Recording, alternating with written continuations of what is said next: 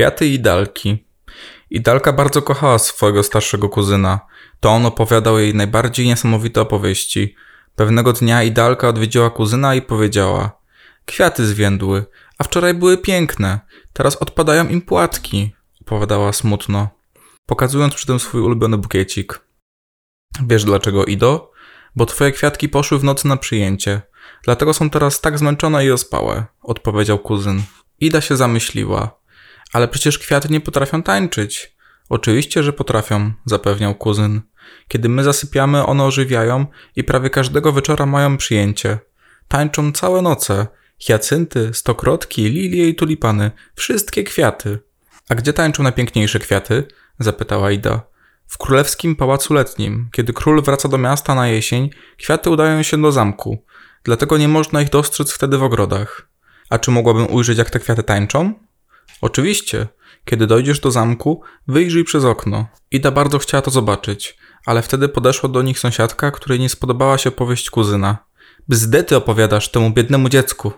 Idalka jednak nie myślała, żeby to były bzdety i myślała o historii cały dzień. Położyła zwiędły bukiet na zabawkowym łóżku, tuż obok ukochanej lalki Zosi. Może trochę im się polepszy, pomyślała. Zośka całą noc musiała spać w szufladzie łóżka. Ida zanim położyła się spać, wyszeptała do kwiatów mamy w salonie. Ha, wiem, że idziecie dzisiaj na bal. Ale kwiaty nie odpowiedziały. Ida obudziła się w środku nocy. Śniły jej się kwiaty i kuzyn. I wtedy, bardzo słabo, usłyszała muzykę z oddali. Idalka wymknęła się z łóżka najciszej jak potrafiła. Nie chciała budzić rodziców.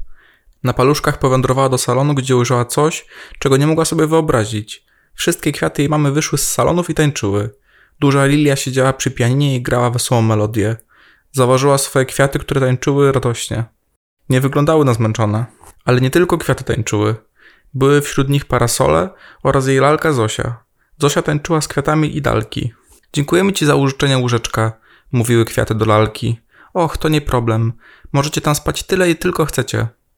Na spokojnie, nie pożyjemy tak długo. Jutro już nas nie będzie, będziemy martwe. Powiedz idzie, by pochowała nas w ładnym miejscu w ogrodzie. Wtedy, kolejnego lata, znów powstaniemy, jeszcze piękniejsze niż teraz.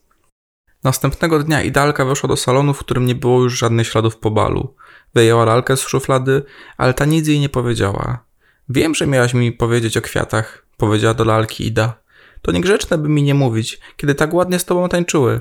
Ida jednak wiedziała, co musi zrobić.